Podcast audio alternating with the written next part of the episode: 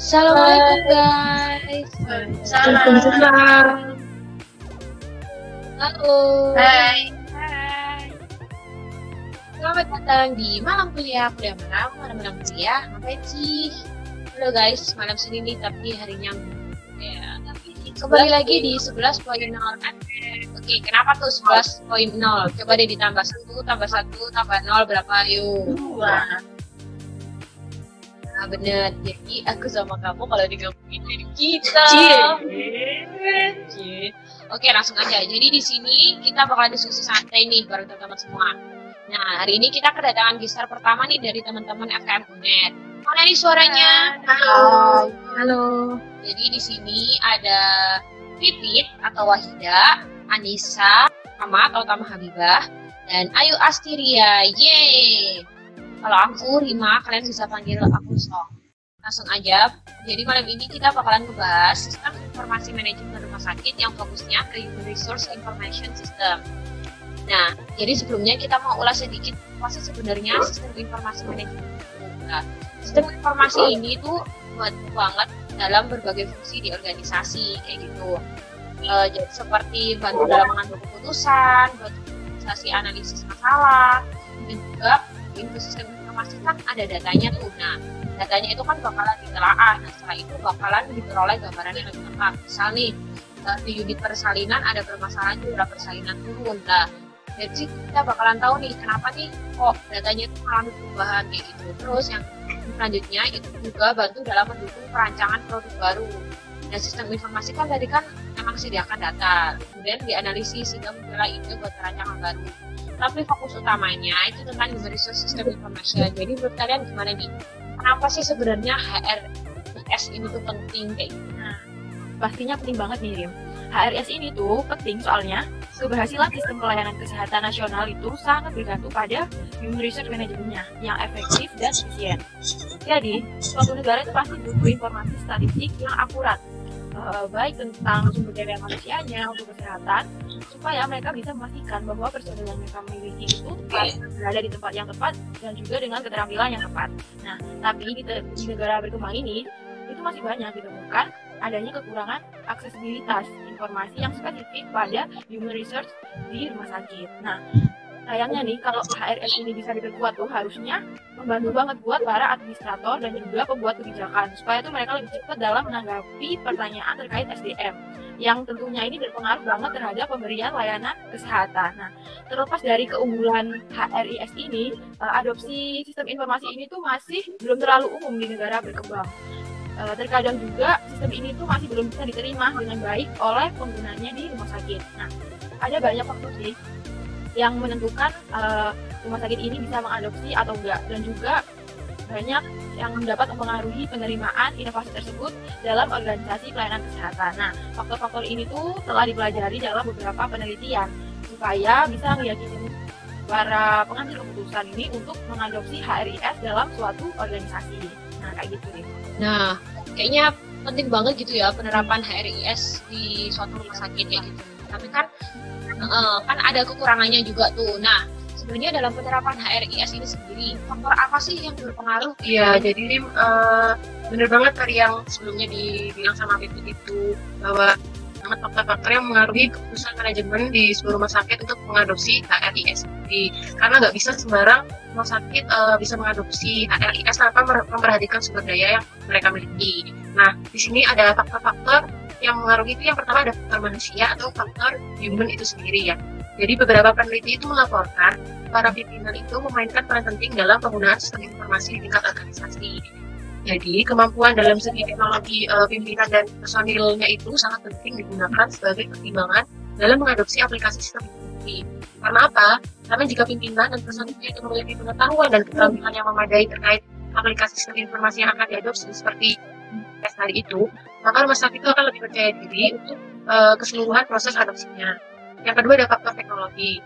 Faktor teknologi di sini yang dimaksud itu teknologi dan perangkat lunak pendukung lainnya yang sebelumnya sudah ada dalam rumah sakit itu sendiri untuk mendukung pengadopsian HRIS. Kemudian juga eh, terkait masalah teknis yang mungkin terlibat dalam adopsi teknologi HRIS tersebut. Kemudian juga eh, infrastruktur teknologi. Selanjutnya ada faktor organisasi. Faktor organisasi sendiri pasti kita udah tahu bahwa uh, struktur dan proses organisasi baru dalam mengadopsinya suatu uh, suatu teknologi yang akan diadopsi di organisasi itu ataukah struktur itu dapat membatasi atau bahkan fasilitasi adopsi inovasi teknologi tersebut. Yang terakhir ada faktor lingkungan. Faktor lingkungan ini meliputi tekanan persaingan serta kebijakan dan dukungan pemerintah. Nah, itu ring ada empat faktor tadi yang aku sebutin itu yang mempengaruhi keputusan manajemen di rumah sakit untuk mengadopsi ARS. Banyak banget ya, jadi faktor yang berpengaruh gitu ya, Nis. Jadi nggak hanya dari segi iya. pimpinan ya. aja, tapi teknologi hmm, dari sisinya kayak gitu. Terus organisasi ini nggak dibebanin buat satu orang aja tapi kayak keseluruhan organisasi itu harus yeah. bekerja sama kayak gitu ya kayak HRIS ini nggak hanya dibebanin di rumah sakit itu sendiri tapi harus ada andil pemerintah di dalamnya kayak gitu nah kan itu tadi udah dijelasin kenapa HRIS penting terus faktor apa aja sih yang mempengaruhi nah pastinya kan harus ada bentuk konkretnya nih misal adanya implementasi di rumah sakit nah itu yeah. gimana tuh Ya, jadi uh, pasti ada dong implementasi dari HRIS di rumah sakit. Contohnya itu yang terjadi di rumah sakit Islam Ashifa Sukabumi gitu. Jadi mereka itu untuk mengembangkan kualitas karyawannya yang uh, bukan hanya unggul di keilmuan medis aja, tapi juga unggul di keilmuan Islam. Karena memang kan uh, rumah sakit Islam gitu ya, jadi mereka juga berbasis ilmu-ilmu keislaman. Oleh sebab itu, setiap karyawan itu diwajibkan minimal mendengarkan pengajian 120 menit selama satu bulan. Jadi uh, sebelumnya itu kan mereka melakukan sistem secara manual penghitungan menitnya dan juga absennya karyawan itu dilakukan secara manual. Kemudian mereka mengembangkan satu sistem aplikasi yang dinamakan dengan siapa. Siapa ini bukan siapa kamu, siapa aku, tapi siapa ini adalah akronim dari sistem aplikasi absen pengajian. Jadi uh, sistemnya uh, tetap dikelola oleh seorang admin. Jadi alurnya karyawan datang ke masjid, kemudian melaporkan ke admin akan melakukan uh, mendengarkan pengajian, mereka akan memilih narasumber pengajian, kemudian ketika siap, admin akan klik tombol mulai, dan ketika sudah selesai, admin juga akan selesai. Jadi waktunya itu bisa terakumulasi berapa-berapanya itu secara sistem, jadi nggak manual, jadi perhitungannya itu lebih mudah dan juga terhindar dari kekeliruan. Di admin ini bisa mengakses dan juga mengekspor hasilnya, sedangkan karyawannya hanya bisa melihat satu absensinya aja bahwa dia sudah melakukan pengajian uh, sekian menit kayak gitu. Mungkin uh, itu kalau misalkan di rumah sakit Islam Aisyah Sukabumi barangkali juga teman-teman menemukan implementasi di rumah sakit lain pada juga yang lain. Uh, jadi ini ada juga nih teman-teman penerapan HRIS di Rumah Sakit Ibu dan Anak Budi Mulia Kota Pekanbaru. Nah, jadi Rumah Sakit Ibu dan Anak Budi Mulia Kota Pekanbaru ini memiliki jumlah karyawan sekitar 120 orang. Nah, selama ini rumah sakit tersebut ini hanya menggunakan aplikasi Microsoft Word dan juga Excel untuk mengolah data kegiatan sehari-hari. Hal tersebut itu menimbulkan beberapa masalah yang pastinya. Di antaranya yaitu dalam pencarian dan pengecekan data karyawan membutuhkan waktu yang relatif lama.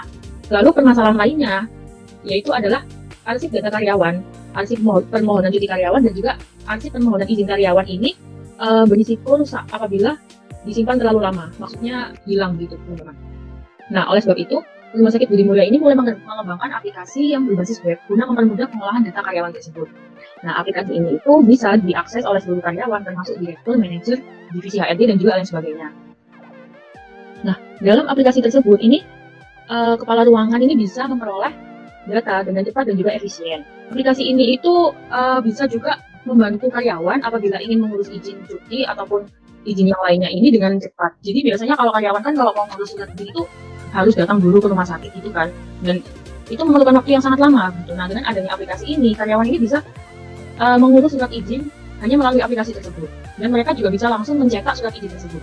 Nah surat izin ini juga bisa dicetak langsung oleh admin yang sedang bertugas. Uh, jadi apa ya kayak sebenarnya di rumah sakit di Indonesia tuh udah beberapa udah ada yang nerapin HIRS kayak gitu ya misalnya ada yang aplikasi apa tadi terus ada web buat ngolah data dan surat izin mungkin cuman apa ya nggak cuma sih harus perlu dieksplor ya, lagi gitu ya.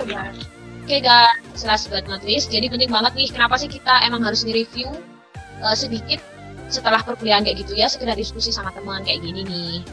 Nah oke, okay, uh, eh, jadi yang bisa diambil dari diskusi kita kali ini, jadi tuh penerapan HRIS dalam sistem informasi manajemen itu sebagai tindak lanjut informasi yang ada, yaitu dengan uh, salah satu tindak lanjutnya itu berupa inovasi yang muncul kayak gitu untuk perbaikan RS itu sendiri. Nah, tapi sebelumnya juga perlu dilihat nih kebutuhan dan kemampuan RS apa kayak gitu sebelum menerapkan HRS. Oke, makasih udah nemenin di episode perdana. Suara dan pesannya dong. Oke, bye. Makasih. Assalamualaikum.